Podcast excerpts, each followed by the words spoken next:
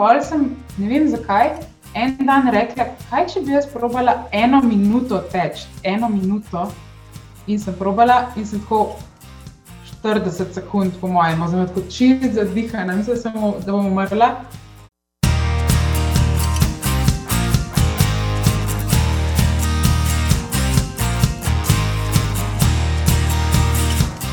Valerij Wolfgang, živijo, dobrodošla v podkastu. Tole je 18. epizoda, eh, spoštovani, spoštovane. Eh, prav je, eh, da te predstavim, da te pozdravim, pa pozdravim tudi vse ostale, dobrodošli v tem deževnem dnevu. Hvala, ker ste, ste, ste z nama. En fajn pogovor naj čaka. Hvala ti za čas in voljo, Valerij. Z veseljem, čim čim na zdravje, ravno pijem svojo prvo jutranjo kavo. Jaz sem pa že ja. Ja, začutila današnji dež, um, zjutraj sem šla teč čez, uh, čez rožnik danes, po blatu. Valjda. Prehitela si me z vprašanjem, ravno to vidiš. Preveč so se prej pogovarjala, pa me prehitevaš, jasno. Ne? Si točno vedela, kakšne so moje namere. Namreč hotel sem te vprašati, kot vsakega vprašam, uh, in za te to vprašanje pač je lahko, kljub temu, da do povdne snemava. Vem, da si jutranja ptica in da takoj, ko odbije policijska ura, ti že drviš skozi vrata na lav. Je tako. Točno to je. Ja. Danes šest nič, nič sem odprla vrata od bloka in začela teči. V bistvu grem. Naj, največkrat imam to klasiko, da grem iz Savskega naselja, se pravi čez center, zjutraj grem najraje mimo nebotičnika, name, najbolj tam, kjer je gužva čez dan in zjutraj je to lepo, ker je čez prazno. In v bistvu mi je to všeč, da spet so ljudje začeli hoditi v službe. Veš, prav vidim, kako se spremenja dnevno, um, pač zdaj te ukrepi, kako grejo počasi izvinjujejo. In mi je bilo danes tako dobro, ker sem začela teči in spet vidim te ljudi, ki stojijo čisto taki grdi obrazi, si tako slabe volje. Jaz pa neko musko sem si dala, sem full uživala in tečem pač tam čez. Pol pa zavijam motivo ali pa gor na rožnik, pa se tam zdirjam, 10 km naredim pa pa nazaj čez Šiško, no, tako nekako imam klasika moja.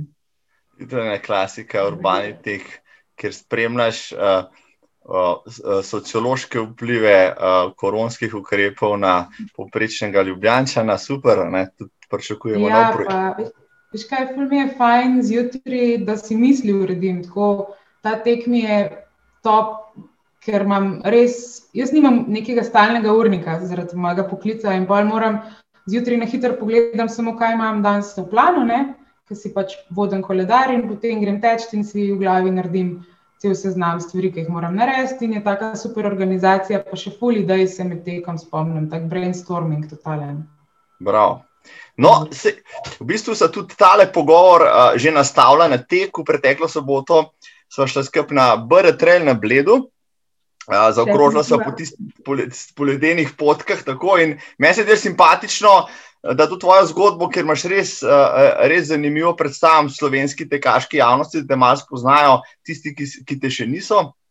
Si namreč izvrstna tekačica, čeprav še le dve leti imaš tisto zgodbo o hujšanju za sabo, poklicno počneš izjemne stvari, da to vse spodobi, dragi in spoštovane, da mojo gostjo danes uradno in lepo predstavim. Namreč Valerij Wolfgang je intermedijska umetnica, filmska režiserka, videastka, transdisciplinarna umetniška raziskovalka in tudi mentorica. Raziskuje odnos med človekom in tehnologijo, večplastno človeškega značaja raziskuje in se redno udeležuje različnih rezidenčnih programov, sodeluje v mednarodnih raziskovalnih ekipah, razstavlja in za svoje delo prejema tudi mednarodne in domače nagrade. Tukaj omenjava posebej nagrado Ivana Kobilca, lansko letno uh, zelo prestižna nagrada, ki jo je pre, doslej prejelo zelo malo umetnikov, tako da tvoje delo očitno je odzvanjalo. Uh, v zadnjih dveh letih pa po nevrjetni življenjski transformaciji postaja Valerij navdušena tekačica, zagrizena odkrivalka novih športnih dejavnosti, ki jih seveda vestno beleži na socialnih omrežjih in s tem tudi ostalim razkriva vse prijetne plati in nas navdušuje. Kaj sem zdaj še pozabil, Valerij? Ej, v bistvu si super povzel, mogoče čisto za nekoga se to sliši, mogoče malo ne navadni izrazi, videastka, transdisciplinarna umetnica, kaj to sploh pomeni. V bistvu, če pol poenostavim, jaz delam na presečišču znanosti in umetnosti. Tako da vse moje umetniške dela, ki so v obliki raznih raziskav, ki potem nastanejo neke instalacije v prostoru, da lahko ljudje sprobajo zadeve, a ne vse tako interaktivno zadeva. Um, vedno me v bistvu inspirira, inspirirajo neke raziskave v znanosti. Ja, veš, konkretno, uh mhm. povem en primer takega projekta. Um, zelo sem spremljala nek čas, kako lahko ta sodobna tehnologija pomaga človeku ukrevati po možganski kapi. In je neka tehnologija, ki se imenuje Brain Computer Interface, BCI, kjer potem uh, to pomeni, da uporabniku namestijo to, te elektrode na možgane, na glavo, od zunaj je ena kapa, in ta človek uh, lahko gleda na ekranu um, nekega drugega človeka, ki premika roko, in ti gledaš to in poskušaš premakniti roko, imaš tudi elektrode na roki in to pač ponavljaš, te gibe. In mi smo možgani, ne? in počasi, čez mesece, tudi tvoja roka začne se premikati. Ampak veliko uporabnikov um, neha s to pač, um, terapijo, ker je dolgočasno, vse čas je isto. Jaz pa dodam ta umetniški element, kjer pa mogoče, vsaj v tem projektu, smo motivirali uporabnike s tehniko sodobnega plesa. Tako da se ti v mhm. bistvu, pač ta kulturni umetniški del je bil ta sodobni ples ti si spremljal in si se poskušal s tem virtualnim soplesalcem zaplesati, čeprav si bil delno hrom. In pač to ti je bila motivacija, da si več mesecev hodil na ta tečaj plesa. No, in tako so te um, različne kombinacije znanosti in umetnosti, in se mi zdi full fine, ker tudi moj cilj je na nek način, da s pomočjo umetnosti vplivam na razvoj določenih znanstvenih zadev, raziskovanj in doprinesem tudi neki družbi, konc koncev. Hkrati pa meni to res užitek, rada ustvarjam um, in mi je tako zabavno, no, tudi po eni strani, ne samo vnos strokovnega vidika, ampak tudi, da jaz res uživam v tem in res sem radoveden človek in potem odvisno. Od sezone, vsako leto me neka druga tematika privleče zraven, ne, in tudi glede na tehnologijo, ki se razvija, grem potem v tisto smer zelo rada raziskovati. No, se, morda se mi zaradi tega zdela tvoja umetnost tako fascinantna. Z, mogoče tudi zato, ker te sodobne postmodernistične umetnosti, ki je tokrat zelo abstraktna, pa jo ne razumem. Mogoče sem a, preveč neumetniško izobražen, da bi razumel vse tiste instalacije, ampak tvoja se mi zdela fascinantna, zaradi tega, ker sem praktično razmišljal ob tem, z, z uporabo tvojih tehnoloških pripomočkov, pa uh, virtualno resničnost in tako naprej. Ne? Da ti že bolj posegaš na področje znanosti kot umetnosti, ne? kako to dvoje združiti. In prvič sem res pomislil, da mogoče ta umetnost, ne? uh, če se tako reče, ne? dejansko lahko, uh, tako kot ti praviš, doprinese. Kaj je bistveno več kot samo neki estetski užitek ne, ali pa razmislek, ne, ja. ampak da ima neke praktične, praktične implikacije na to. Tako da Kako to pa, ne, glede na to, da te znanost tako intrigira, pa, pa vem, da sem prebral sem nekje, da ti umetnost še v šolskih časih, osnovni šoli, niti ni bila blizu. Ne, kako da nisi postala znanstvenica, uh, glede na to, da imaš, da imaš uh, aspiracije v tej smeri, ampak si se potem, recimo, usmerila v umetniške vode. Um, v bistvu, če tako zelo, zelo nazaj pomislim, sem imela zelo rada živali od nekdaj. In sem jaz bila majhna punčka, hotela biti veterinarka, se pravi, gremo v neko bolj znanstveno vodo, temu rečemo tako. Ampak potem je ta majhna punčka ugotovila, da biti veterinar, ker sem bila zraven pri parih um, na kmetijah, pri parih porodih, teh kravic, pa teh zadev, da ni to samo, da ti tam neki čohaš, kuška, pa ugotoviš, da je mal bolan, ampak moraš ti tudi kuška uspavati, moraš ga operirati, moraš njegova jedra, ne vem, odstraniti karkoli, skratka, gremo v globine te živali. To je bilo pa že malo bolj uh, tako neprivlačno. Mi je bilo pa všeč, kako pa bi lahko temu kušku vzemali, ker kjeram pomagali tudi na kakšen drug način. Ne? No, in pa sem nekako ugotovila, da um, mogoče znanost preveč gre v take detajle, tehnične in da tudi na nek način me zelo zanimajo različna področja. Veš, tudi rada sem imela tehniko, že zelo hitro sem uh, se fascinirala nad fotografijo, sem očetu si sposodila fotoaparat, pa za analogno fotografijo fotkala. In sem ugotovila, da je mogoče pa bolj, da se povezujem z zanimivimi ljudmi, ki so znanstveniki in imajo veliko več znanja kot jaz.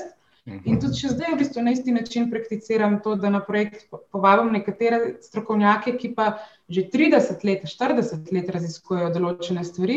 Jaz pa dodam samo svoje ideje, ker ideje imam pa že od nekdaj neskončno. Pač, če me nekam daš, rečeš tukaj čakaj dve ure, ne vem, pri zdravniku, jaz med tem, med, v teh dveh urah si bom to, ki da izpomnila, da lej, pač nikoli ni tišina v moji glavi, a veš, v bistvu, če tako eh, razmišljam na ta način. Mi je pa super, zelo cenim znanje in res spoštujem ljudi, ki celo življenje posvetijo določeni raziskavi. Recimo, jaz sploh ne predstavljam, da bi 30-40 let preučevala samo eno celico, prav dobesedno, veš, kam je strokovnjaka, ki se z mhm. določeno celico ukvarja 40 let. Jaz, ne vem, pa pol leta imam jaz že, ne morem gledati ene celice, recimo, ne. Bi pa jo v pol leta bi pa razvila nek zanimiv projekt lahko, kjer pa bi vključila to celico in bi pač iz tega, ne vem, nekaj novega nastal.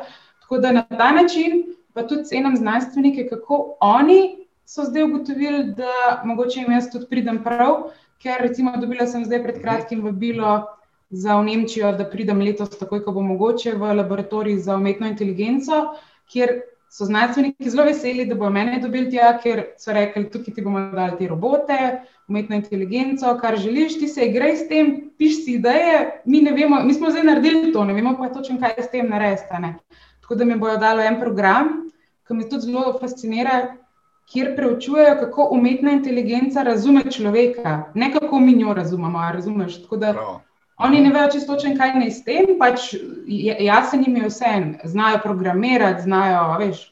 Delati umetno inteligenco. Jaz ne znam no, narediti umetne no, no, inteligence. No, no, no. Zdi se pa mi, da bomo imeli zanimivo debato, no, če ne drugega.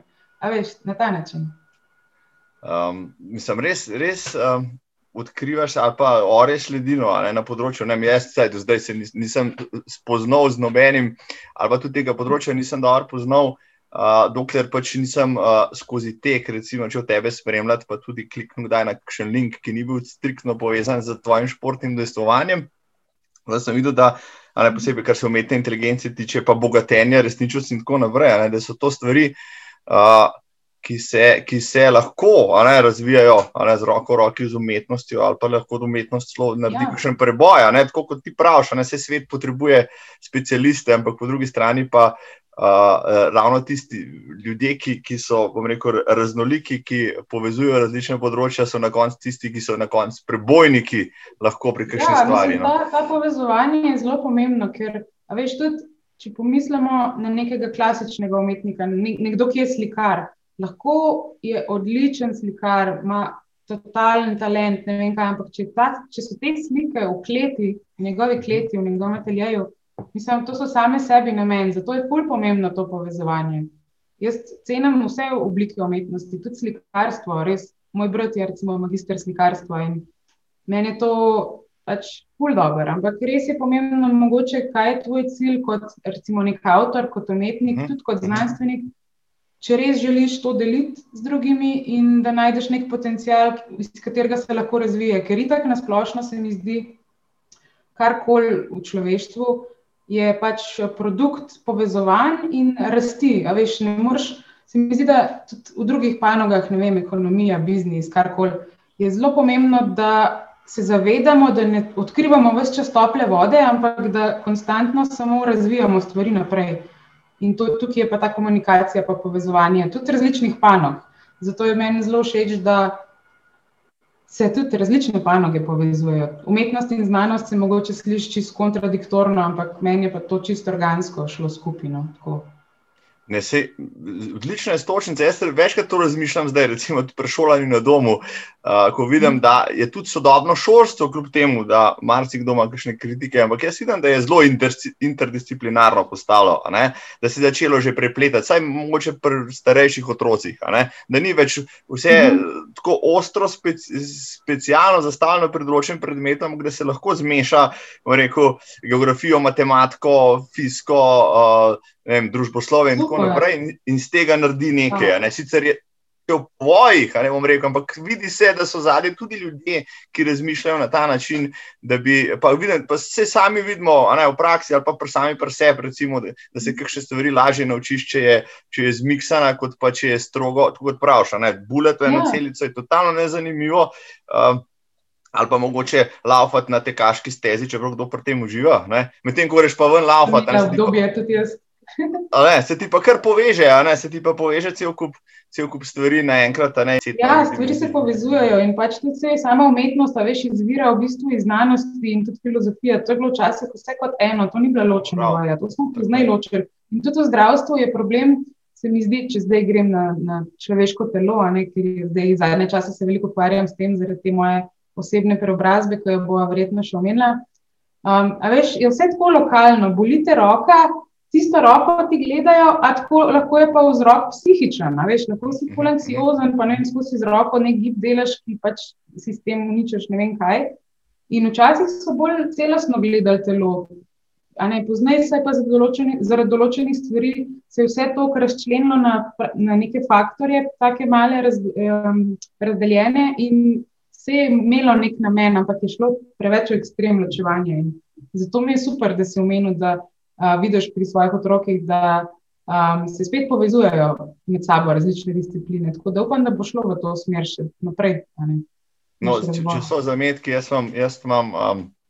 Uh, high hopes, da, saj, če nužga ne za prihodne generacije, da bodo, glede na to, da smo v digitalnem svetu ali pač, da smo se v ta digitalni svet predstavili, praktično vsi v zadnjem letu ja. uh, in, da, in da vidimo njegove prednosti, naj si bo tudi slabosti. Ampak ja, vseeno, no, preden se pa lota tvoje preobrazbe, ki je rekel, uh, bistvo tega ja, pogovora, ker nas vse zanima, jasno. Uh, mi sam še povej, kot sem rekel, prej te bom vprašal, ne, kdaj pa uh, je Valerija.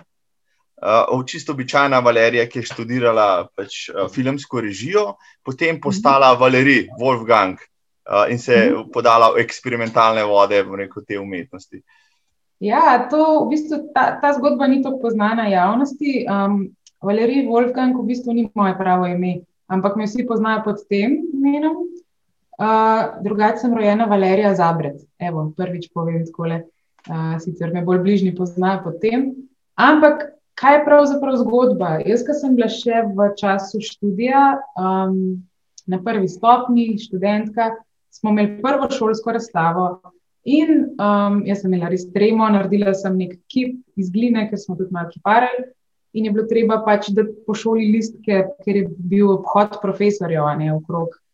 In v tistem obdobju sem se zelo družila še z eno prijateljico Meto, uh, pa še z enimi drugimi prijatelji. Skratka, ta Meta me je skozi hecala, ker sem bila pa že takrat zelo aktivna, v bistvu sem bila V, bila sem predsednica diaške skupnosti na oblikovni, pa študentska, neka funkcionarka. Pa skratka, ful sem se tako borila za skupnost, to mi je bilo res pomembno.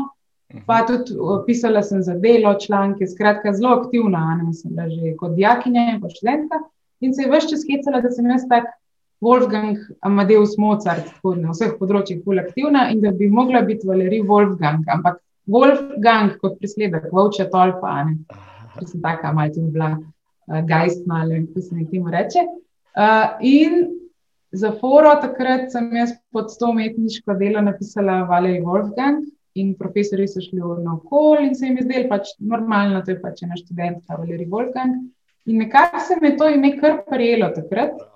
In potem sem se kar začela podpisovati pod vsa umetniška dela, tako imela sem pol tudi neko razstavo v Črni Gori, so mi dali, kar, tako so me navedli, potem tudi v Singapurju. Skratka, kar naenkrat sem jaz postala Valerij Wolfgang in ugotovila sem, da je to v bistvu zelo dobro. Tudi počutila sem se malo bolj kot Valerij Wolfgang, ko ustvarjam. In sem si tudi sama sebi takrat rekla, ko sem Valerij Wolfgang ustvarjam, ko sem pa Valerija Zabred, pa spim na kavču, ne dvigujem telefona in me nič ne gane. Tako da, veš, na nek način je to super, kako ločiti ta poklic, ki je res oh. težko določljiv, zato ker kot umetnik ti lahko delaš 24 ur na dan. Jaz moram pa res strukturirati urnik, ker nočem delati 24 ur na dan. Če sem iskrena, mi veliko pomeni prosti čas in tudi zdi se mi, da vsi ljudje na svetu ne smejo biti uh, preveč predani svoji službi, ker iskreno naša služba ne sme biti naše življenje, ampak moramo biti mi pač svoje življenje, služba je pa pač del našega življenja.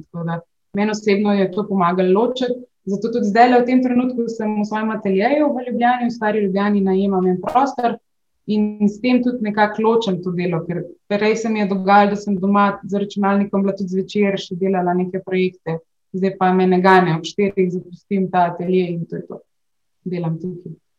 Bravo, bravo. No, vidiš, lekcija, še ena lek, super lekcija za tiste, ki poslušajo tam zunaj.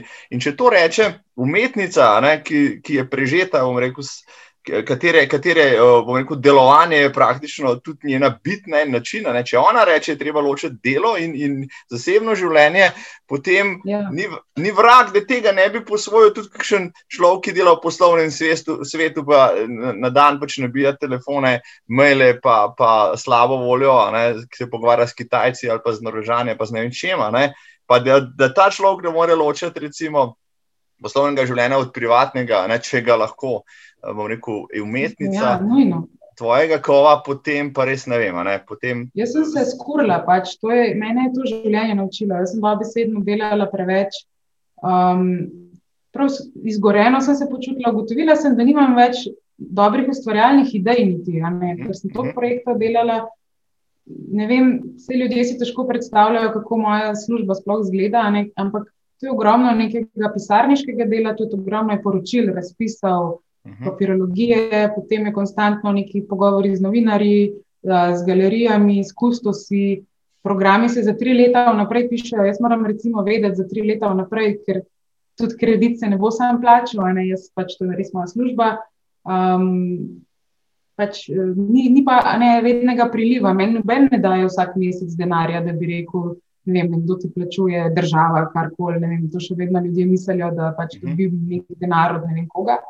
To so pač evropski eh, razpisi, tudi Slovenija ima določene razpise, ampak za zelo male denarje. To je meni bolj tako, zato da še vseeno vzdržujem stik s Slovenijo. Tudi tukaj naredim par projektov, če ne pa v bistvu jaz večino časa potujem. Jaz sem zelo velik na poti, to je bil tudi razlog, zakaj sem imela tako nezdrav življenjski slog. Zdaj sem ugotovila, da to ni izgovor, da si na poti lahko tečem, lahko kjerkoli. Uh. Tako da um, in, uh, si moram res dobro organizirati. Zdaj, zaradi te korone, letos sem prvič toliko mesecev zaporedoma na enem mestu, kar je tudi zanimivo. Sem odkrila še dosti drugih stvari uh, na ta račun, ampak uh, drugače pa ogromno potujem, no, tudi izven Evrope in ko mi čakam, že letos 2021 imam toliko splaniranih že potovanj, da takoj, ko se meje sprostijo, jaz grem že, kovček je že čaka, je že se gre. Tako mi čakam. No, kot svetovna popotnica si tudi na ogromno rezidencah v tujini. Danes mi povedala to zanimivo zgodbo ali na Dunaju, menda na rezidenci, ker si bila in si se odločila, da bo šla za tistih 16 km do Teljev, da bo šla s kolesom. Kar se marsikomu, ki to posluša, ne zdi nič posebnega, razen da povemo, da je bila eh, Valerija Wolfgang takrat, to je dve leti nazaj še uh, precej mobilnejša kot zdaj. Imela si 130 kg in kolesarjenje že par kilometrov ti je predstavljalo praktično izjemen zalogaj. Ja, v bistvu, ja, lahko kar povem še enkrat za tvoje poslušalce, najne poslušalce, to zgodbo, ker je pa ključna za to, da sem pač naredila nekaj sprememb zdaj v zadnjih dveh letih. Se pravi, jaz sem šla dve leti nazaj na to umetniško rezidenco na Dunaju. Najprej, kaj sploh je umetniška rezidenca? To, je, mhm. to so določeni razpisi, vsako leto so po celem svetu za umetnike, za pisatelje, tudi za znanstvenike, mislim, za različne poklice. Ti se prijaviš z neko idejo, in če te ta komisija izbere, ti v bistvu plača honorar, potne stroške, produkcijske stroške. Uh mhm. -huh. Skratka, dobra zadeva. No, kot da bi te najeli za vem, mesec, dva in tam imaš vse pogoje za delo, prostor, in take stvari. In na ta način jaz tudi ogromno potujem in potem realiziram projekte in me povežejo vedno tudi z lokalnimi znanstveniki, umetniki in take zadeve. Skratka, jaz sem bila na tej rezidenci na Dunaju in so mi dali na izbiro dva ateljeja, ki jih lahko uporabljam. En je bil direkt zraven stanovanja, ki so mi ga dali, drug je bil pa v, na drugem koncu mesta, 16 km stran, pa kolo so mi dali, pa karto za metro. Skratka, jaz se z metrojem vozim, gledam ven, poletje je zelo lepo, veliko ljudi na kolesu in rečem, joj, pa kako to romantično zgleda, bom še jo šla s kolesom. Vse, če pa mogoče bom imela zadnje par kilometrov malo težav, bom dala pa kolo na metro, pa šla naprej z metrojem, ker pa ni se da to. Ne. In jaz grem, res nisem nekako dojela, da gre vse čas v klanc, tudi veš, proti tistem delu mesta. Skozi je bil malo gor. In kolo je bilo brez prestav, jaz pa tudi dolgo nisem kolesarila. In 30 ali 35 stopinj pa 130 kg. No, in mi, mojih 130 kg, lepo gre na kolo, full romantično, prvi kilometr. Pa pa pridem do petega kilometra in jaz ugotovim, teče od mene. Meni je bilo noč jasno, in sem rekel, kako me še 11 km, to, to je bilo čisto nerealno za me. In naložim kolono metro, se vozim do metroja, gledam ven spet te ljudi, kako romantično lahko kolesarijo. Meni je jasen, stara sem bila 28 let In tako obed, kako lahko pa v 28 letih ne morem priti 16 km s kolesom. Meni je bilo res bed, prvič v življenju. Pač jaz sem bila navajena na teh kil od nekdaj, jaz sem že od mehnega pač imela kul preveč kil. In nisem niti pomislila, da me res to nekako vera ne, v vsakdanjem življenju, ker vse moja karijera je bila super, vse sem delala, potovala, ni da ni. Um, in sem se takrat prvič zamislila, da Mogoče bi bilo pa ful dobro malo več kondicije dobiti. Nisem imela niti cilja, da bi izgubila neki full kill, ampak sem da imam to kondicijo, da lahko na Facebooku napišem, da sem šla s kolesom v atelje ali pa pač nekaj, tako da se malo pohvalim. In ker sem trmasta, sem rekla, ok, to ni bilo v redu, mogoče sem se slabo počutila, bom jaz jutri spet. Ne? In sem potem nekako si naredila načrt, da bom jaz v dveh mesecih prišla s kolesom do ateljeja. In sem vsak dan hodila, vsakeč sem malo podaljšvala, pa za tri ulice, pa tri ulice. Pa. Skratka, prišla sem jaz teh 16 km čez Prešvica na en dan. In pa sem rekla, zdaj moram pa še nazaj priti. To je pa že 32 km. In to je bilo v parih tednih, no, skratka, v dveh mesecih sem se sem in tja že vozila, dejansko mi je to rad, sicer je bilo res uroče. Ampak sem potem opazila tudi, da mi hlače malo niso več prav, par kilci je šlo res dolno, pa sem si mogla kupiti. In začutila sem prvič, da malo kondicije dobivam. Ta občutek, veš, da imaš malo kondicije, ker jaz nisem imela nikoli kondicije. Tudi v osnovni šoli, pa srednji, jaz nisem telovadila. Jaz sem imela skozi nekaj opravičila, ko mi je profesor rekel, se prav spomnim, v srednji šoli ti boš še telovadila, sem se mu smejala, sem rekla, jaz v lifeu ne bom peš šla, ne vem, iz Bežigrada do centra, pač ne bom šla nikamor. Kaj ti ni jasno, sem si mislila, evo me. Zdaj se po mojem smeji, če me kje vidi. Nisem ga srečala že od srednje šole. Mogoče pa no, tole gleda, tako da pozdravlja na tem mestu. No, ja. Boštjan, uh, to je ona, to je Valerija. Tako, ja. Joj, če bi to videl, po mojem bi ga kap. Ker pač, prav spomnim se, da sem imel en pogovor, ki je rekel, le žal ti bo na zdravje, se ti bo poznal. Jaz sem se pa smejala, pa sem rekla, jaz kle sedim, ne bom šla teč, pač dvigam me sklopi, če moraš. Mhm. Imela sem že takrat po moje 100 kg ne vem. Skratka, velika punca. Um, ja, no, in tam na Dunaju se je začel, in pol, ko sem se vrnila, sem rekla, zdaj pa še tukaj malo, ne vem, hoditi začela, ali kaj kolesa nisem imela. Ne? Pa sem malo hodila in pol sem, ne vem zakaj, en dan rekla, kaj če bi jaz probala eno minuto teč, eno minuto. In sem probala, in sem tako 40 sekund, po mojem, zelo tako čist zadihana, mislim, sem, da bom umrla. In sem rekla, okay, enkrat bom jaz to eno minuto odtekla, in je pač ratalo v roku dveh, treh dni, a veš, se je pol na koncu, ki se prepričaš, odtečeš. In potem sem našla na internetu program uh, from, uh, from Couch to 5K, se pravi, z Coucha do 5 km v osmih tednih. In jaz sem, no, ja, itak imam to, a ne. In uh, to pač je trajalo 16 tednov, meni, ampak jaz sem prišla do 5 km dejansko. Sem.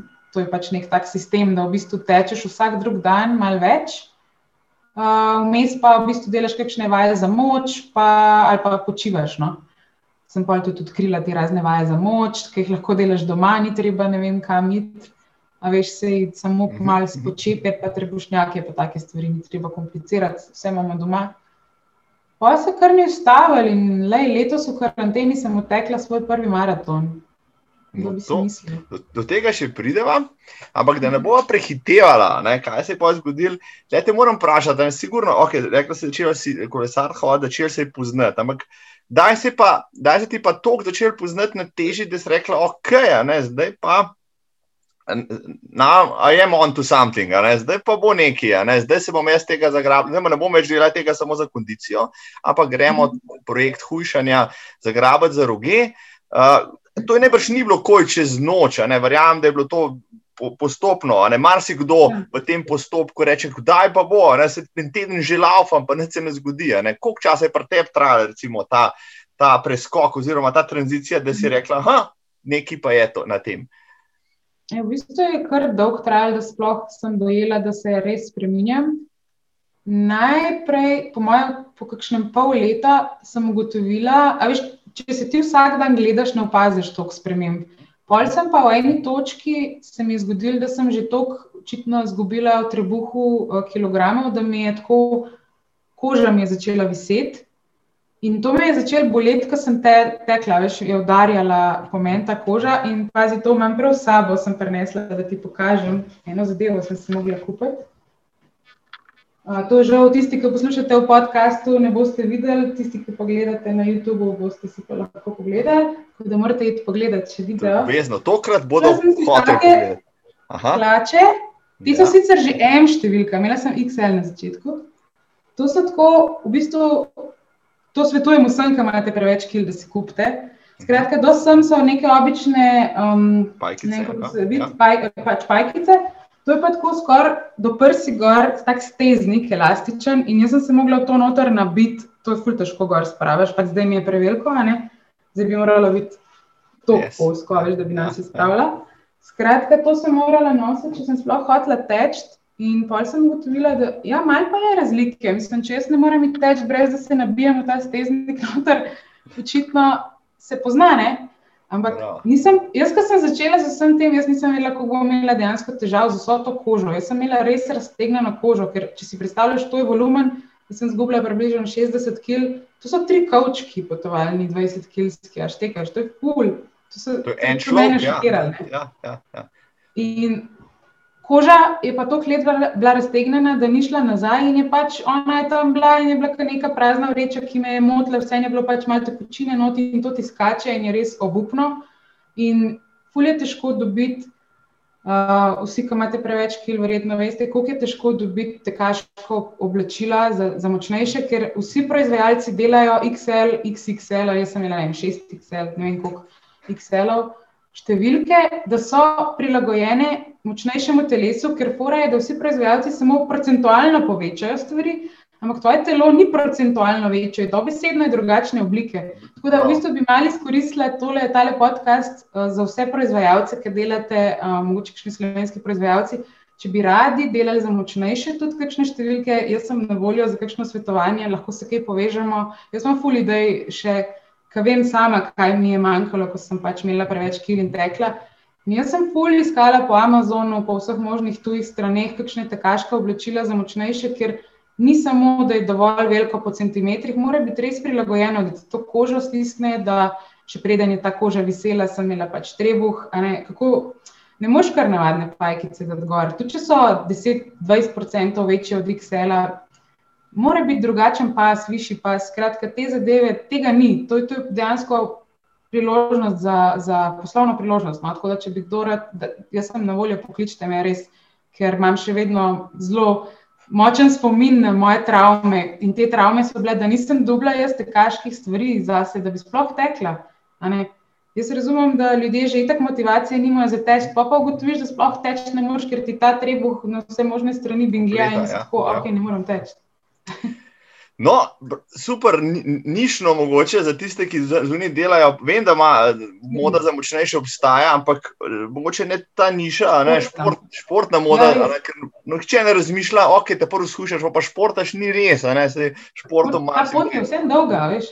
Tako, tako, ne, to ni čez noč, se ne greš, ne preskočiš treh številk čez noč. Ja. Ne, Tudi, če sem šla v kakšno trgovino, zdaj bom malo mogoče izpostavila, ne vem, Intersport, Decathlon, vse vse te, te trgovine, ki so.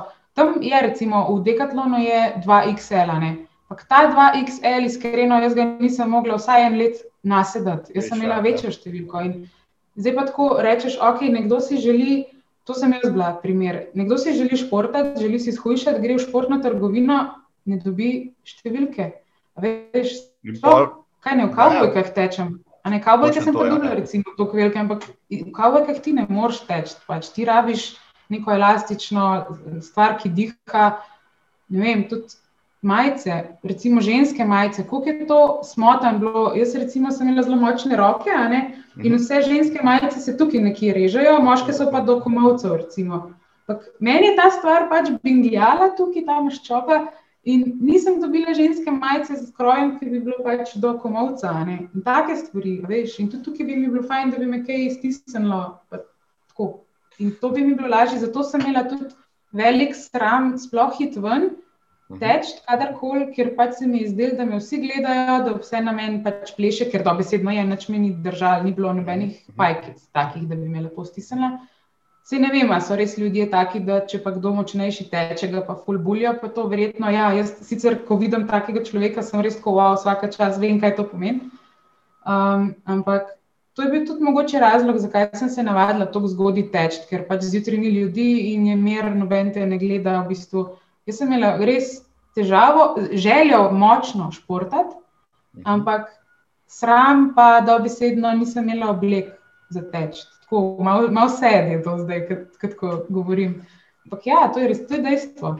Zanimivo, ne? to nihče nikoli ne bo mislil, pa sem veliko pogovorov tudi poslušal, pa se pogovarjal z ljudmi. Kaj pa potrebuje človek, da shujša in tle motivacija, pa disciplina, pa kalorije in tako naprej. Ma, najprej za začetek. Evo, ne, mal, mal do, tako malo kdo pomisli, da je to pač. Pač družbena stigma, ne, da lafaš, ko ti ni udobno, ne, da ti ostali gledajo. Druga, drugič pa ja. dejansko vsaka malenkost, že to, da pač nimaš še njih, ne, ne majce na, za nas je potegniti, ti lahko odvrne od tega, da bi naredil ne, tisto, kar si želiš narediti. In, in, to je meni dolgo no. odvračalo tega. Zdaj, kaj nazaj pomislim, po mojem, bilo to, jaz bi se prej lotila, po mojem, tudi pred dvema letoma, ampak že takrat sem imela pač to kil, da nisem hodila sploh v nobeno športno trgovino, ko sem vedela, da mi nič ne bo prav. Zdaj pa tam neko modo za močnejše, ki obstajajo, imaš pa take cunje iz leta 80. No. Mislim, ja, ja, tudi za, čez dan nositi, če smo iskreni, modo za močnejše je zelo v povojih še vedno. No. Pač Meni men ni bila nikoli všeč. Tudi, ko sem bila močnejša, ja, ja. sem bila tako, plisne, cunje moram kupiti. Oh, In je rekla, no. tega ne morem nositi, moram skušati, da bi imela vsaj kaj za oblek. Ja, ej, zdaj, joj, zdaj pa ja, zdaj pa.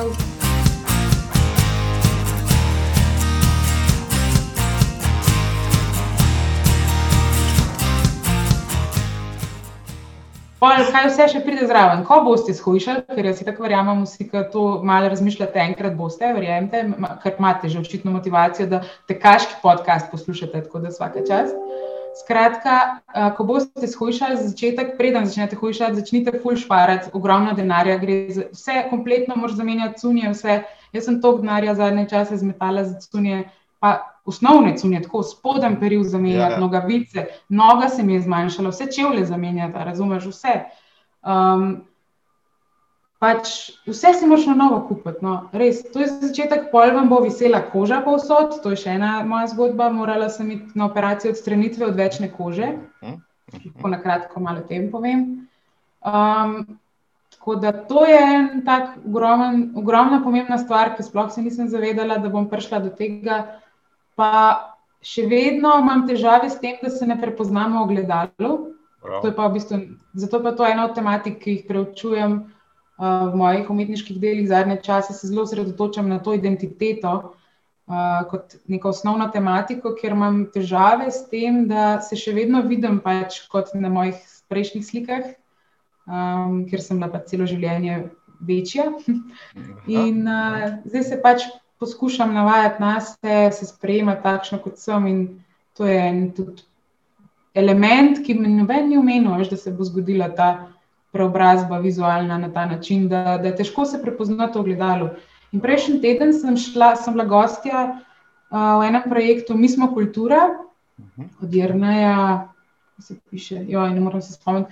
Skratka, en projekt Mi smo kultura, kjer uh, ta Jrnej fotografira kulturnike, umetnike z različnih področji, plesalce, režiserje, intermedijske umetnike, ni da ni. Um, in on je mene fotkal v studiu, in je bilo tako zraven uh, ekran, kjer ko je fotkal, si ti direkt videl fotko. Ne? In me vprašal, če sem zadovoljna po, po koncu fotkanja. In jaz gledam tiste ekran in sem bila kar malo tiha. Ne? In je rekel, ni v redu fotka, se sem full naredil osvetlitev. Ne vem, kaj se. Sem rekla, ne, fotka je super, ampak jaz, sploh, kaj da je en drug človek na fotki, res težko dojamem, da sem to jaz, ker veš, vse se ne poznam, nisem še tako kot sem. Dve leti, sicer sem se spremenila, ma, je premalo časa, kot prej 28 oziroma 30 let ene podobe. Ne? Tako da, um, tako se opazimo, kako še vedno rabim malo časa za to. In mogoče je to tudi razlog, zakaj sem začela na Instagramu, na teh mhm. socialnih medijih, malo te selfije delati. Veš, tako, doskrat še en selfie objavim, mhm. mogoče se komu zdi malo tako hecno, ja, kaj za spet en selfie. Ampak to je za me tudi fajn, ker se jaz vidim, pa, pa da se kdaj pogledam, da se navadim na sebe. Veš, to je v bistvu ta moja, zase delam to.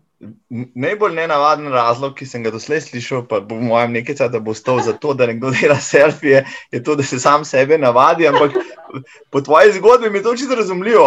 Zdaj bom na lepo tukaj za gledalce tisto, kar bo, je mene najprej vrglo na rit, ko sem bral tvojo zgodbo, pa v njih tudi. Ta, ta uh, vizualna transformacija, ki se upravlja v dveh letih, ne te fotke, zdaj gor na lepo, spoštovane in spoštovane ženska se je prepolovila iz 130 kg na dobrih 60 kg.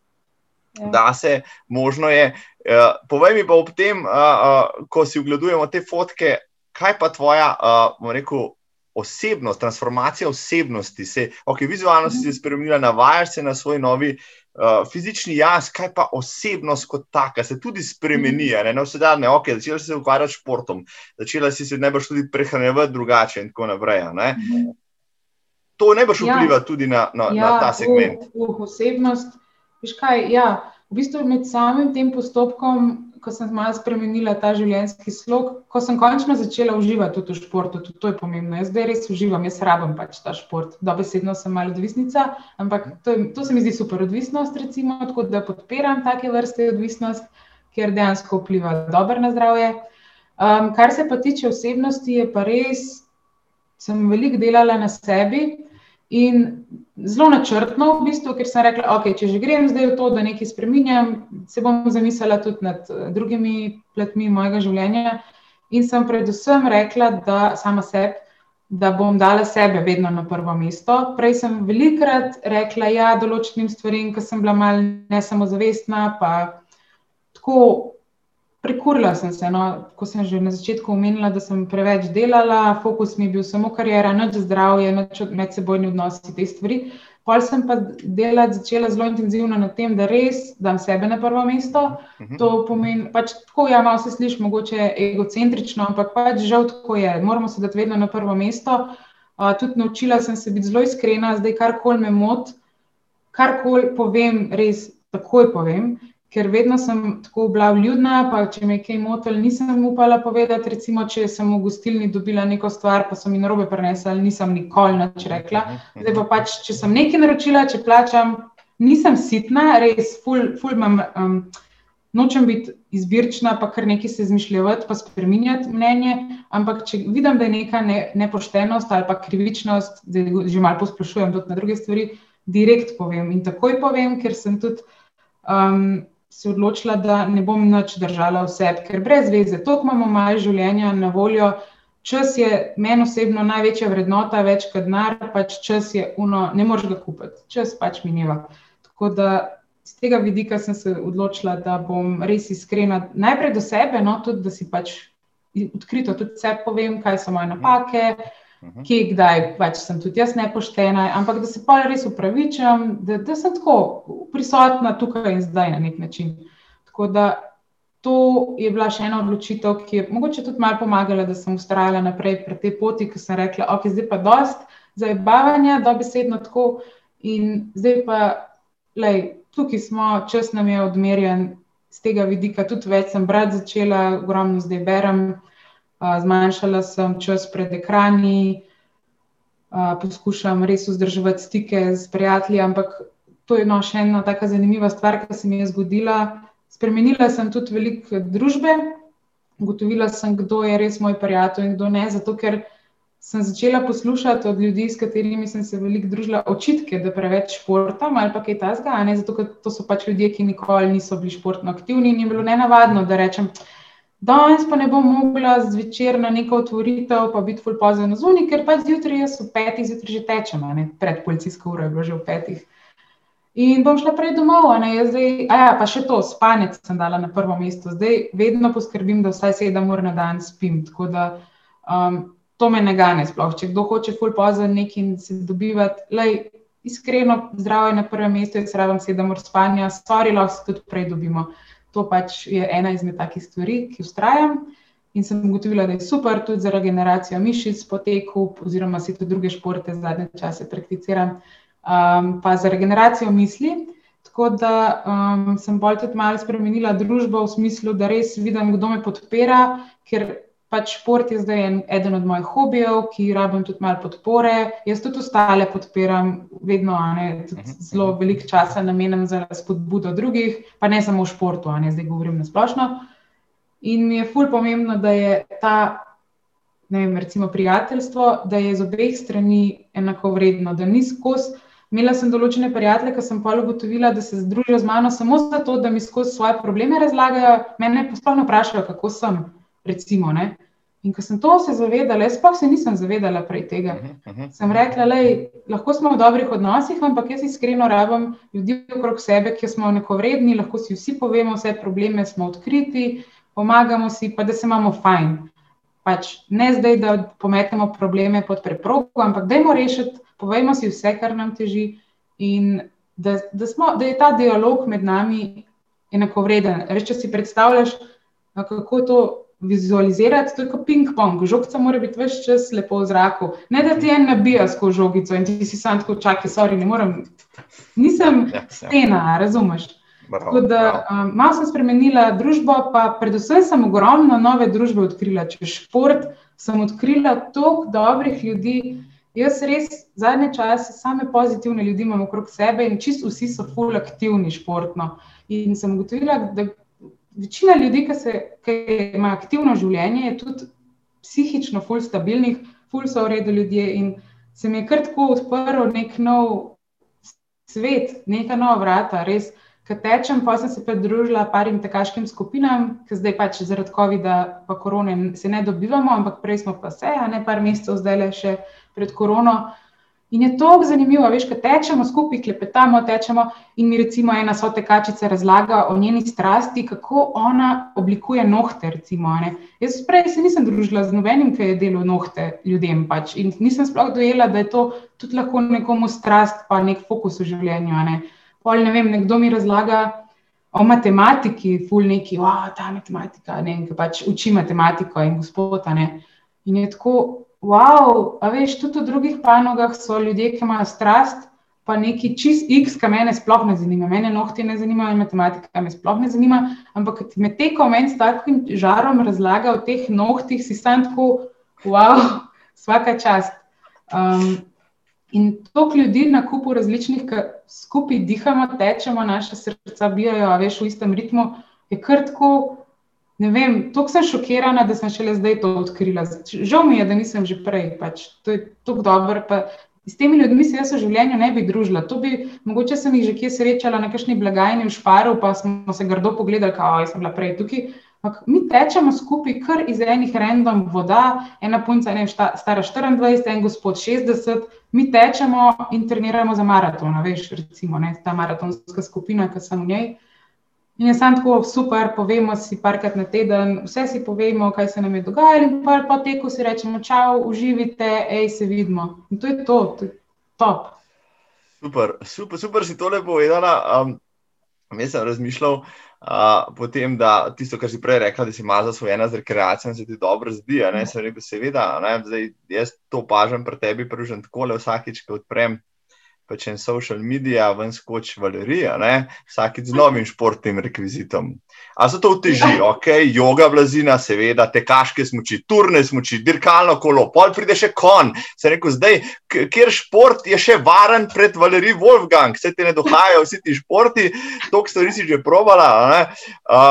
To, ki ste vi si predstavljali, da je pač tudi auditorijo, da je že nalezljivo, že jaz sem razmišljal, da bi, da bi kaj od tega počel.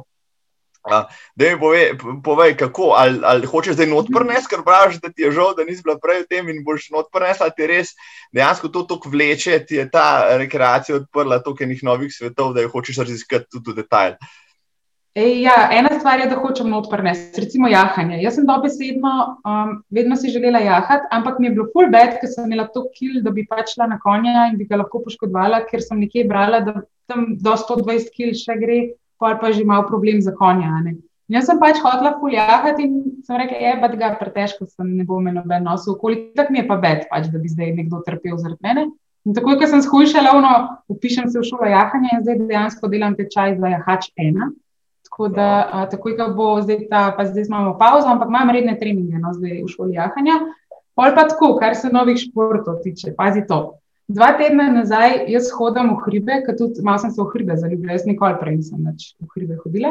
Dva tedna nazaj grem jaz na eno goro, hodim z eno prijateljico, klepetava in vidim enega smočarja, ki gre vertikalno gor, on v hrib.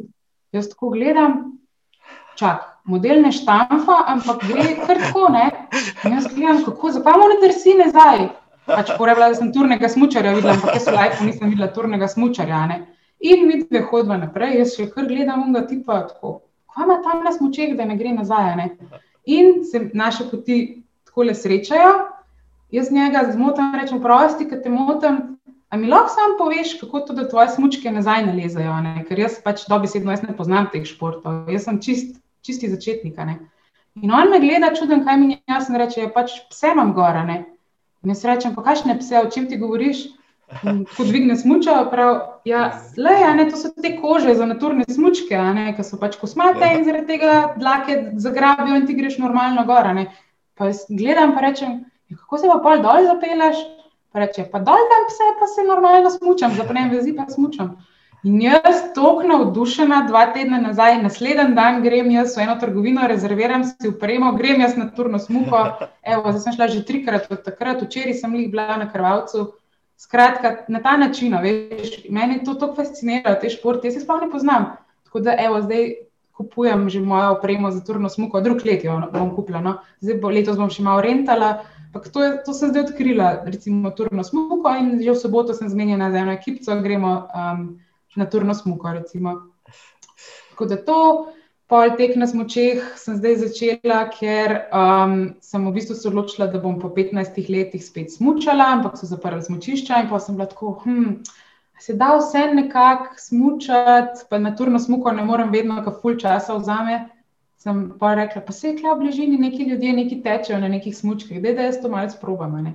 Tako da v bistvu iščem vse čas neke tudi nove izzive, nove načine športanja, ker sem nekako ugotovila, da je fajn malo menjati šport. Veš, da ni skozi samo tek, tek mi je kot una najbolj osnova, tudi super mi je, ko potujem, da mi ni treba nobene opreme sabo nositi. Če grem jaz, sem bila recimo na rezidenci v New Yorku, tik pred korono, sem rekla, ok, noč nimam tam drugega, bom tekla in sem pretekla v dveh mesecih cel Manhattan po dolgem in počes, pač tako vsako ulico poznam, Brooklyn, Queens, vse. To je najboljši način ogleda mesta, dejansko, no, priporočam.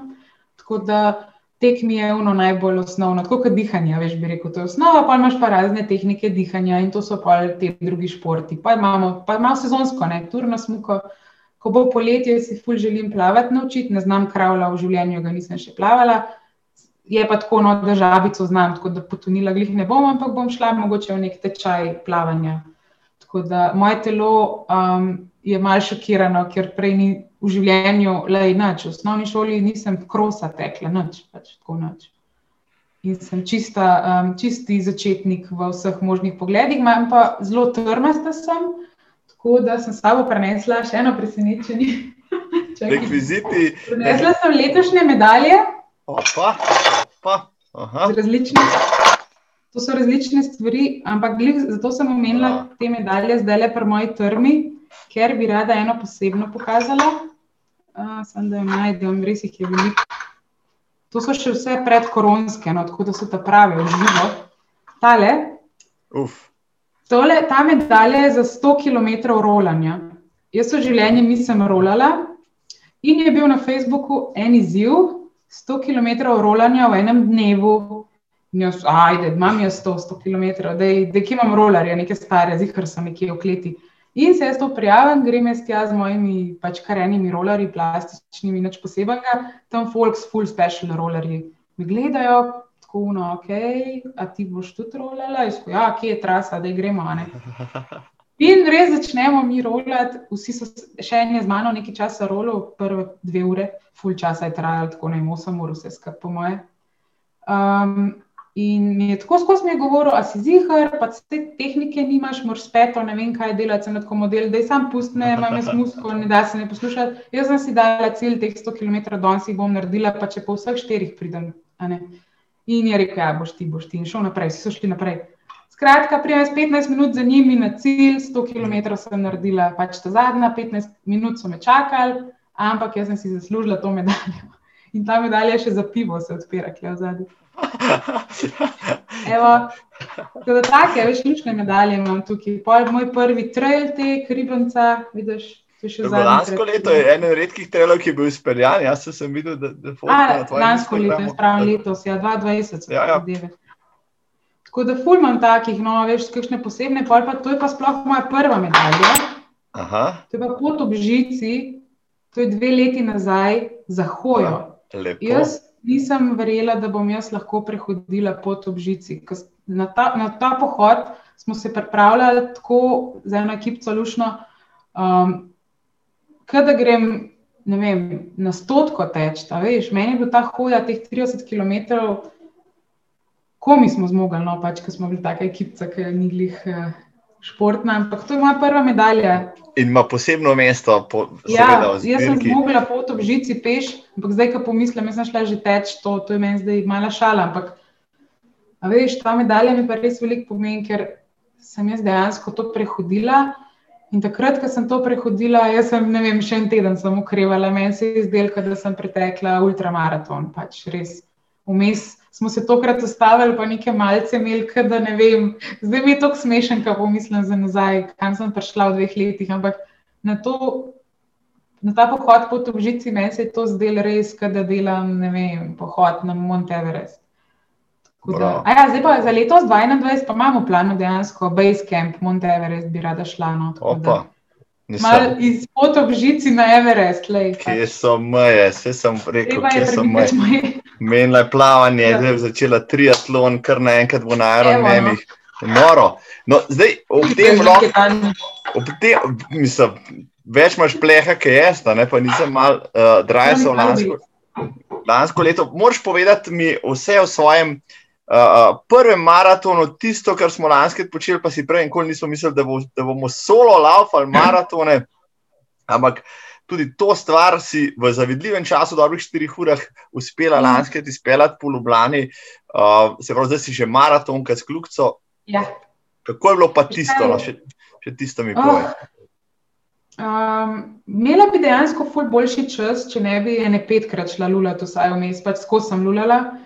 Um, v bistvu, kar se tega lulanja tiče, v bistvu malo to tematiko bom vseeno odprla. Zdaj, odkar sem ful shujšala, uh, to sem ugotovila, da se velikim ljudem zgodi, ker so imeli operacijo odstranitve kože, ker so tukaj pač, zdaj imam tak lep, lepo zategnen trebušček, ampak mehur, takoj, ko mi pritisne na steno, ko začutim, da je pač poln, mene takoj to klulati panično, da moram takoj lulati. Ne vem, to zdaj se še malo navajam, kako ne biti tako dramatična glede tega v moji glavi, da sem polulala, ker se pač ne bom. Ampak tako je. Ne vem, takoj, ko se začutim, da me lulati, moram iti na vece preventivno, ker se mi zdi, da sem kar polulala drugače. To je še en minus hujšanja, evo, lulati vas bo ful. Pa ne, poleg tega tudi ogromno pijem, a veš, imam tudi zdaj le sabo en tak velik bidon za pit, ki sem tekla, pa spijem takoj dva litra, pa ne vem, pač res tudi skrbim za to hidracijo, ker vidim, da če ne sem utrujena, pa me boli glava.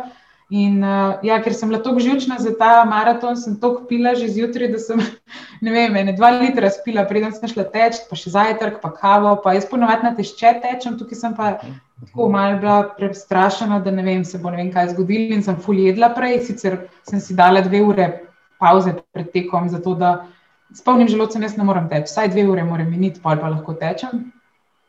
Ali pa celo tri, no, če ne kar tako. Um, Zgaga me začne peči, a veš, vsebina želodca malo pride do ust. Gor nazaj, ja, ja. ja. Ja, ne vem, eni to lahko, jaz pa ne morem, jaz rabim malo pauze.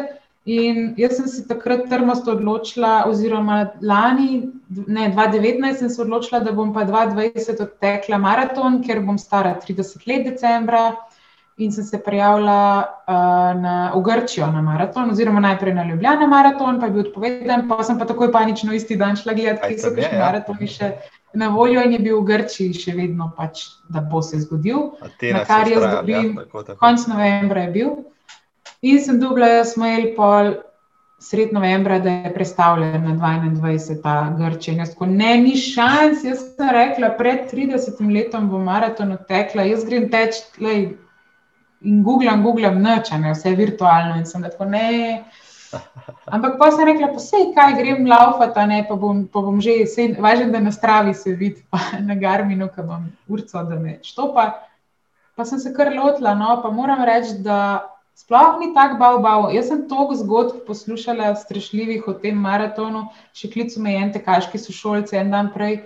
Da, ja, pa da bi on neki s kolesom zraven šel, pa da bi neke avte puščala, da bi še on tekel, pa ne vem, kaj vse, jaz sem lahko le dala si bom gor ruzak, noter meha, ne z vodo, pa imela sem dva gela, pa nek magnezij v prahu za vsak slučaj, če nekaj še krč mogoče prime. Um, pa sem šla teč, no, tako da ni bilo nič problematično. Ampak ne vem pa vse te zgodbe, Marko, verjetno jih ti bolj poznaš v teh raznih scenah med maratonom, kaj vse je bilo treba, ne vem. Slišala sem že svašta, da folk rabi, ne vem kaj, cel servis. No, no, en, nekateri si vzamejo to kot res, resen projekt z, z ekipo, s podportom, z uh, geli na točno določene ja. kilometre, z varki, ja, izmenjavo nogavic, majic in tako naprej. Pač, uh, ja, jaz, ne, jaz sem kar šla. Veš, um, v bistvu, um, ful, dala sem si štiri podcaste, različne za poslušati. No? Kar rada med tekom poslušam podcaste ali pa audio knjige, pa kdaj tudi musko, kdaj pa tudi noč, v bistvu odvisno, kako mi sedi. In sem jaz lepo v svoj trans padla in lepo tekla in to je to, in pač lula sem hodila, bolj sem se sekirala s tem, ki bom lulala, ker pač po Ljubljani teč. Um, pa sem kar v kakšen grem skočila. No, tako da Ljubljana je že kar dosto značena z mojim imenom. Ne samo med maratonom, tako grem, kdaj v misli. Zadnjič na trailu po bledu sem tudi pomerkirala vam tam zgorja, se ja, spomniš pred stopnicami. Ja, si zdaj točno to, ja, je povedal en kolega, ki je šel čez dva dni, ja, da, da, da so bile, ne, da so bile uh, živali gora. Ne, da, da, ja, ja, da, so, da je vse polulan, pa sem rekel, pa sem bil modro tiho pol. Ja.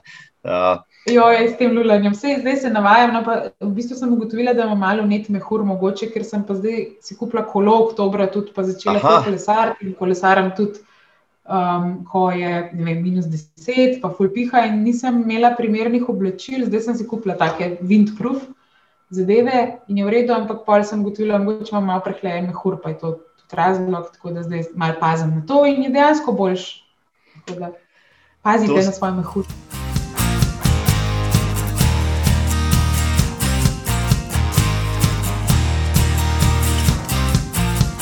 koliko stvari boš odkrila v svoji tekaški karieri, koliko stvari te še čaka. Triatlon, kliče. Pa triatlon, za naslednji podcast. Najprej duatlon. Ja, duatlon. Okay, za naslednji podcast, ko se dobiva čez en let, bom vzel tri ure, zato da boš vse razložila, kaj se ti v tem času zgodilo. Ne? Že zdaj le, spoštovani in cenjene, kot vidite, urca je šla, kot bi mignil, pa so še le. Urca, cool, wow. A si moraš misliti, a si moraš misliti. Zdaj pa, ampak. Ja, Rabaš iti na vece? Ne, ne, ne sem šla že. No, za tiste, ki naj poslušajo, vem, da so vsi tekači, ki rabijo za svoj dnevni tek ali pa za več tekov, več kot eno urco in hočejo še ne, 15 minut naj poslušati. Zato imam še par vprašanj, ki jih na vsak način moram obdelati. Če drugega ne, ta pandemija, pa izolacija, pa korona, ja. ki traja že celo leto, na en način nam je vzela marsikaj, ne? osebni stik nam je vzela bližino in tako naprej. Ampak po drugi strani, ko sem gledal to tvoje delo, uh, ti se veliko ukvarjaš z navidezno resničnostjo. Recimo, in uh, ali je lahko pač tudi ta tvoja navidezna resničnost in tako naprej.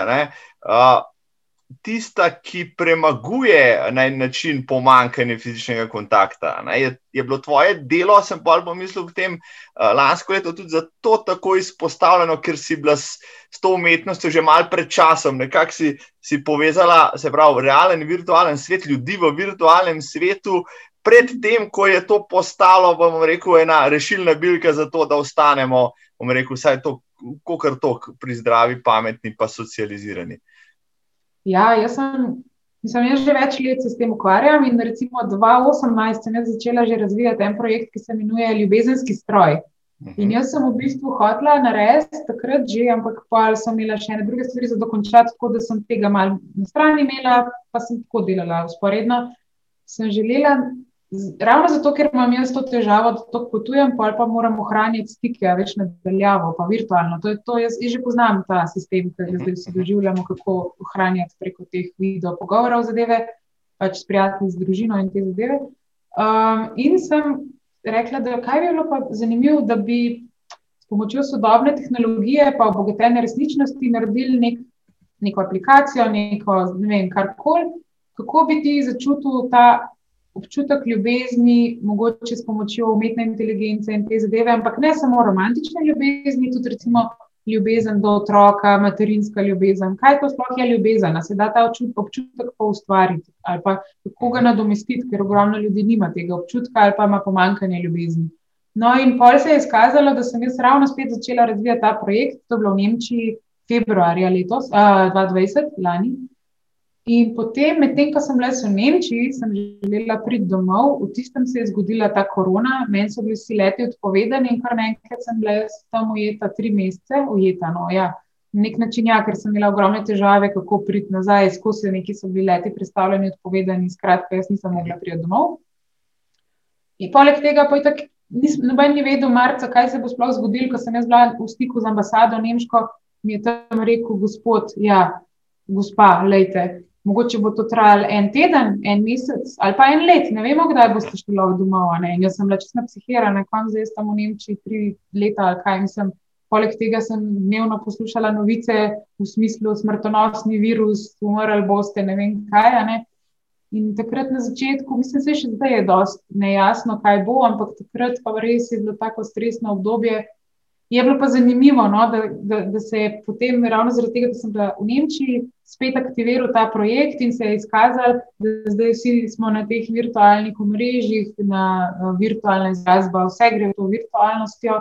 In še vedno zdaj razvijam projekt naprej in se povezujem s številnimi tudi uh, z medicino, no, pa znanstveniki iz teh področji, da probamo mal uh, raziskati še bolj podrobno, kako lahko ljudem pomagamo, sploh ker imajo res ogromno ljudi zdaj te psihične težave zaradi pomankanja fizičnega stika.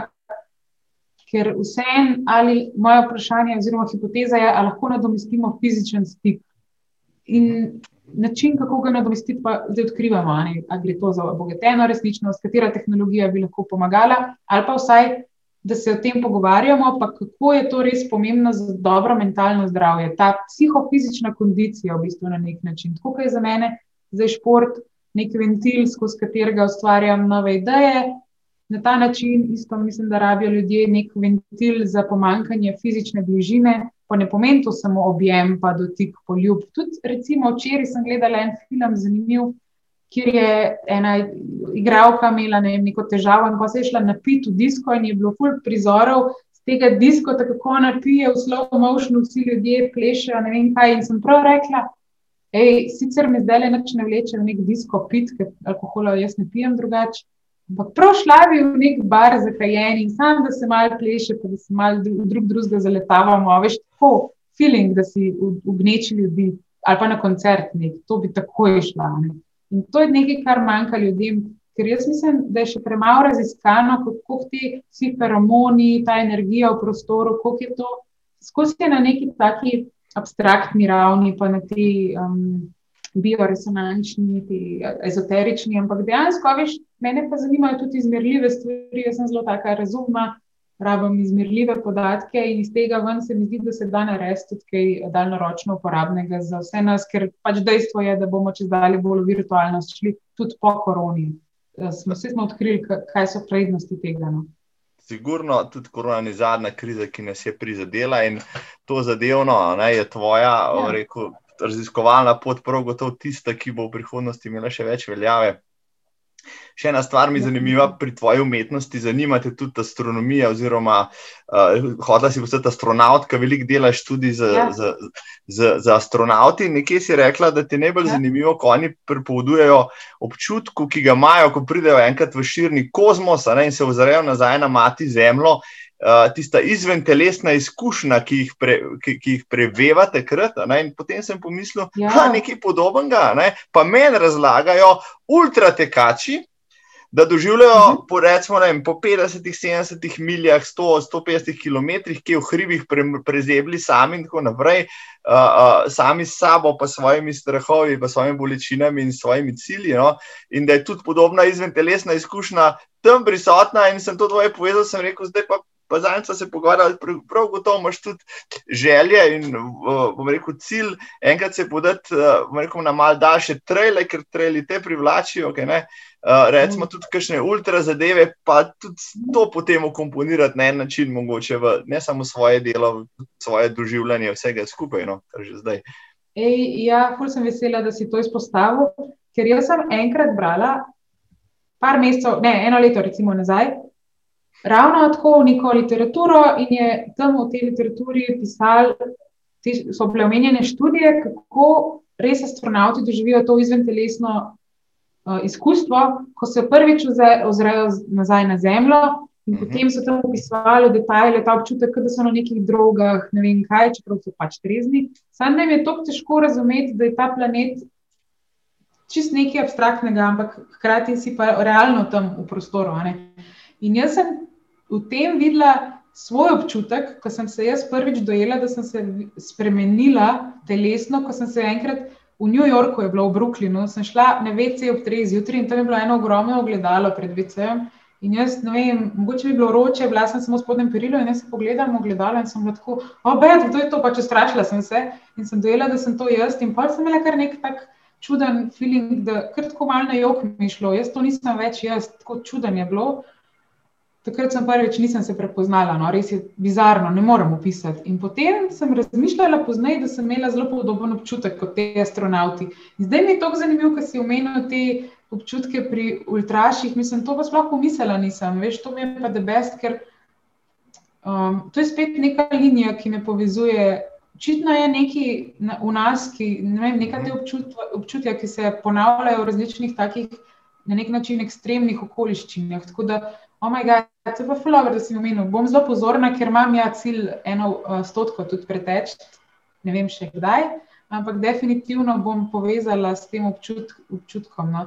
Sem pa res trenutno v navezi z Evropsko vesoljsko agencijo in tudi redno se dobivamo zdaj na Zoom srečanjih in um, s temi astronauti se veliko pogovarjam no, o o tem, ker meni je čisto fascinantno, da gre človek izven tega planeta. In ko sem zdaj parkrat govorila s, konkretno s temi osebami, meni je bilo to čisto nerealno, da sem jaz ena na ena dobesedno z njimi bila v stiku in imam res veliko spoštovanje do teh ljudi, ker ne samo, da morajo biti tako dobro fizično pripravljeni, mentalno morajo biti zelo stabilni, ker oni so v ekstremnih okoliščinah, veliko mesecev, v malih prostorih. Tako da vsaka čas, da, da so tako lahko zbrani, fokusirani. Poleg tega še tako naštudirani, ti moraš to šolanje narediti, preden prideš sploh do poklica astronauta. Ti moraš biti res znanstvenik ali pa pač inženir na zelo visokem nivoju, fizično in tako brutalni treningi in vse to, da zmoriš v nekem breztežnostnem prostoru. Meni je to čist nerealno še zdaj, ampak ko jih vidim, tako preprosti ljudi, kot mi dva, ki zdaj govoriva, meni je to prav da ostanem brez besed, no, ko sem v družbi takih ljudi. Saj, mislim, za trenutek se se hitro zberem, pa pač nadaljujem naprej. Ampak res pa mi je to zanimivo, pa bi rada mogoče tudi s kakšnim ultrašom še tako le se iz oči v oči srečala, pa malo teh izkušnjah govorila, ker jaz jih še nimam teh izkušenj, upam pa, da jih bom doživela. No. Verjamem, da so lahko zelo zanimiva, tudi potem verjetno ti ostanejo spomini za nazaj, taki pestri, no, tako bom rekla. Nekaj, kar res ne moreš kupiti. Vidiš, poleg časa je še ta izkušnja nekaj neprecenljiva. Zadeva. Definitivno. In z odrašči se najlažje pogovarjaš tam nekje, ki skupaj švicaš, pa crkavaš, pa si deliš zadnje požirke tiste vode, ko ne veš, kaj je v naslednjem vrčevalniku. Takrat, takrat to, ki insajto dobiš, tak, zato boš iztekal, to pol naredila še. Ko višjo stopno umetnosti, zdaj, ko si govorila, ja. sem, se, se rekel, še nekaj ti bo vprašal, tako malo kvazi filozofsko. Uh, sem se spomnil na še enega uh, obsedenca z vesoljem, to je Elon Musk, on, on trdi. Ne, in sem v tem pomislil uh, tudi na te, ne, ki, ker mešaš konstantno svoje umetnosti na videzno, pa realno. Ne. Uh, Elon Musk je rekel, da smo vsi uh, uh, pač v, v, v simulaciji, ne, da živimo pač v simulaciji, ti si pa v bistvu dejansko razvijala stvari na tem področju, ne, tudi nevrološke mreže, ki so same pisale poezijo, že pravzaprav. Ne, sem že pomislil, zakaj porabimo ja. še poe, poete. Ne, če Valerij naredi pač, uh, mrežo, ne, robota, nevrološko mrežo. Uh, Umetno inteligenco, ki piše pesmi, pol tem Elon Musk reče, vsi živimo v simulaciji, ne? pa se ščipam, ampak to pomoči ne boš v simulaciji. Ne? Kaj pa ti misliš, da živimo v simulaciji? Ja, ampak, vsaka simulacija se da malo zhekati lahko smo pa hekari svoje simulacije. Ali ni to zabavno, da lahko malo tako zhekamo to simulacijo? Kaj pa vem, lej, mogoče smo res v simulaciji. Da, da si jo prilagodimo po svoje, jaz verjamem v to moč, da sem opažam sama pri sebi. Samo veš, kaj je bolj pomembno, to, to tako vidim pri sebi. Da imaš ti jasen fokus, kaj hočeš. Nima veze, kaj, samo da ti je jasen. Ker če si ti, če imaš meglen fokus, ali pa ne veš točno, kaj sploh biti, pa je vse res prepuščeno tej simulaciji, oziroma karkoli že je, ne, si, ne vemo v resnici. Ampak jaz sem ugotovila, ko, ko so mi stvari jasne, tako da jih res vidim, mhm. vizualiziram nekaj, kar je lahko čez 30 let, vse en kdaj. Pa stvar, da obesedno gre v tisto smer. In to je na področju financ, zdravja, vse. Jaz res mislim, da imamo samo zelo jasen fokus, cilj, kaj bi radi. V bistvu, vprašati se moraš, kaj bi jaz sploh rad na splošno v life. Mhm. Pol pa pač iščemo poti do tja. Vsaka, vsak cilj rab neko pot in pot je v bistvu najbolj pomembna. Se cilj, ko se zgodi, imaš že ti 50 drugih ciljev. Pol. Samo pot mora biti taka, da v njej tudi uživaš, no? ne smemo skozi trpeti. Ne skozi no. švica, tudi malo poti. Vidiš, so že, že jaz malo v, v spiritualnost, ker je super, ne? da tako prijetno, mehko, mehko zaključiva tale naj en super pogovor. Uh, kot režiser, kot te moram seveda vprašati, ker je tvoj, recimo, moče najljubši film, kot poetinjo te moram vprašati, uh, ali pa pisatelj, so skoraj da te moram vprašati, ker je tvoja zadnja knjiga, ki si jo prebrala. Um, ja, v bistvu, um, zelo velikokrat se rada spomnim filma od um, Teres Melik, The Tree of Life, drevo življenja, uh mhm, -huh, ki je tako mhm. dosti ljudem bil dolgočasen, pa kar nekaj. Ne vem, meni je pa to ful dogajalo, ker sem ga gledala. Jaz sem ga gledala na poti, ko sem šla v Prago, na vlaku sem ga gledala in mislim, da je to pač pri, prineslo zraven te dodatne občutja in sem pač padla v to, ta nek um, mal tak romantičen pogled na življenje. In mi je zelo zadogajalo, tako da sem ga še dvakrat pol dejansko pogledala. In, ampak vedno povezujem to veš, z nekimi občutki, ko sem gledala film, zakaj mi recimo dogaja ta film. Um, vedno se hecam, da je Titanik moj najljubši film. Zato pa, ker smo ga imeli doma na kaseti, moj oče je prinesel, on je veliko ruski bil včasih, um, je redno hodil na, v Rusijo kot uh, poslovni partner. In je na kaseti, ki sem bila stara, kaj se vem, šest let, prinesel ta Titanik.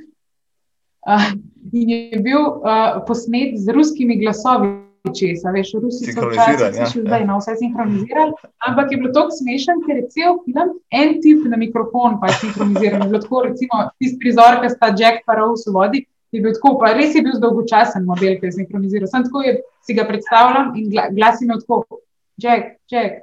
Rose, Rose, Jack, Jack, Jack. Ali ste se oni dva klicali, oni bi bili tam tako. Prav, no, ok. No. Pač en tip. In jaz sem, pač kot otrok, jaz sem ta Titanik gledal, smo ga enkrat na teden, po mojem, skozi smo to kaseto vrteli. Mm -hmm. In jaz sem pač Titanik poznala sam s tem glasom. In pol sem pač šokirana, enkrat, ko sem odkrila, da to sploh ni ta pravi glas od teh ljudi. In tako mi je bilo bizarno, zakaj ženske imajo moški glas. Ampak, okay. Poleg tega sem pa vsakič, ko sem gledala Titanik, sem do konca upala, da se ta ladja ne bo potopila. Vsakič znova si moraš misliti, ker kot otrok sem jaz res mislila, da se pa mogoče bo kdaj drugače odvil film. Tako da še zdaj se velikokrat hecam, da je Titanik moj najljubši film, ker sem ga po mojem največkrat v življenju gledala, ker smo to kaseto imeli pač doma in smo, če ni bilo drugega, smo dali Titanik na uh, rekorder. Uh, kar se pa knjig tiče, sem pa zadnjo, ko sem prebrala, je pa Metul, od, kaj je že, Henry. Oh, ne morem se spomniti, papilon je. Papilon, ja, do, jaz sem pozadnji, uh, gledal sem um, film, original, zadnjič, ja. spet po dolgem času. Da, ja, ja, pa knjigo imam tudi nekaj. Ja, res, nisem ga še, jaz sem priredno gledala. Vlej si original. Jaz sem končno prebrala prvič, pol mi je bilo zanimivo. Aha, aj boljši. Steve McQueen, Steve da, McQueen pa Dustin Hoffman. Steve McQueen pa Dustin Hoffman odigrata še, še okay, precej boljš kot, kot te dva. Um, Kot um, uh, Remi Malek, pa, pa, pa ne kjer poba igra, igra glavnega. Ja, Mislim, res, or, or, or, original moš pogledati. Je, je, okay, Vse imam na seznamu.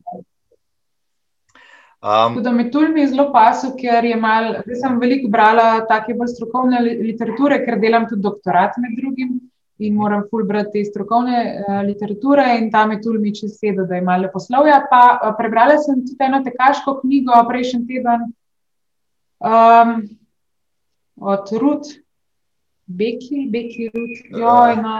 V bistvu, punca, ki je šla eno leto Beki, Beki, ne, čakaj drugače. Vse imaš, po mojem. Imam 100%. Prevedeno v slovenščini. Je, šla... je že.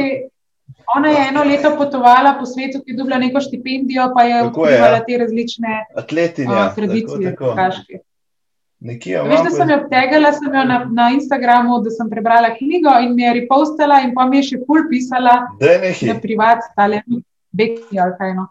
Uh, mi je ful pisala, da me je šla prav ja. prekrat pogooglati in da sem čisto navdušila in da je ona čisto fascinirana in je rekla, da če bo prišla kaj v Slovenijo, da se mi javi in pride in bo vas skupaj pekla. Becky Wait, ja. To, tek, ja.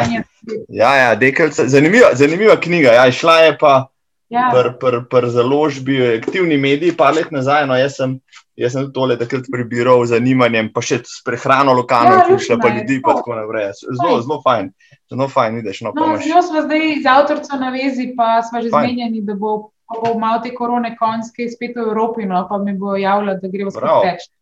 Uh, no. bom jim Slovenije šla. Tako da, veš, mi je bolj zanimivo, kako spet najdeš neke nove priložnosti, nove ljudi, zanimive. Tako, no.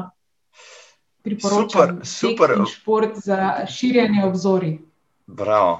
Sej, sem te hotel vprašati, če za zaključno misel, pa si jih navedla toliko, ne, da bom težko, težko bom izbral nekaj, kar bom napisal pač na post na Facebooku, ne, ampak moram še enkrat tole vse pogledati.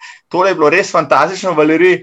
Uh, hvala ti, transformativno je bilo zabavno. Upam, da gremo kmalo spet na BRT trail po tisto ja. 360 kamerco posneti ja, tisto traso. To bo spoštovani, spoštovane, umetniška instalacija, poseben ja. projekt, tako da boste deležni pač tudi vi na koncu končnega izdelka. Ja, upam, da, to, da v novem teku ne bom uh, pristala na riti, ker pozabila sem omeniti, da sem uh, bila krščena mal, ker je bilo to kledu, sem v enem delu tudi mal padla na hrbet, ampak k sreči sem imela dober grip, nič nimam poškodb, samo smejala sem se, ker mi je bilo res zabavno, da sem prvič tako med tekom pristala na hrbtu. Tako da se zgodi tudi to na BRT, pustolovščini.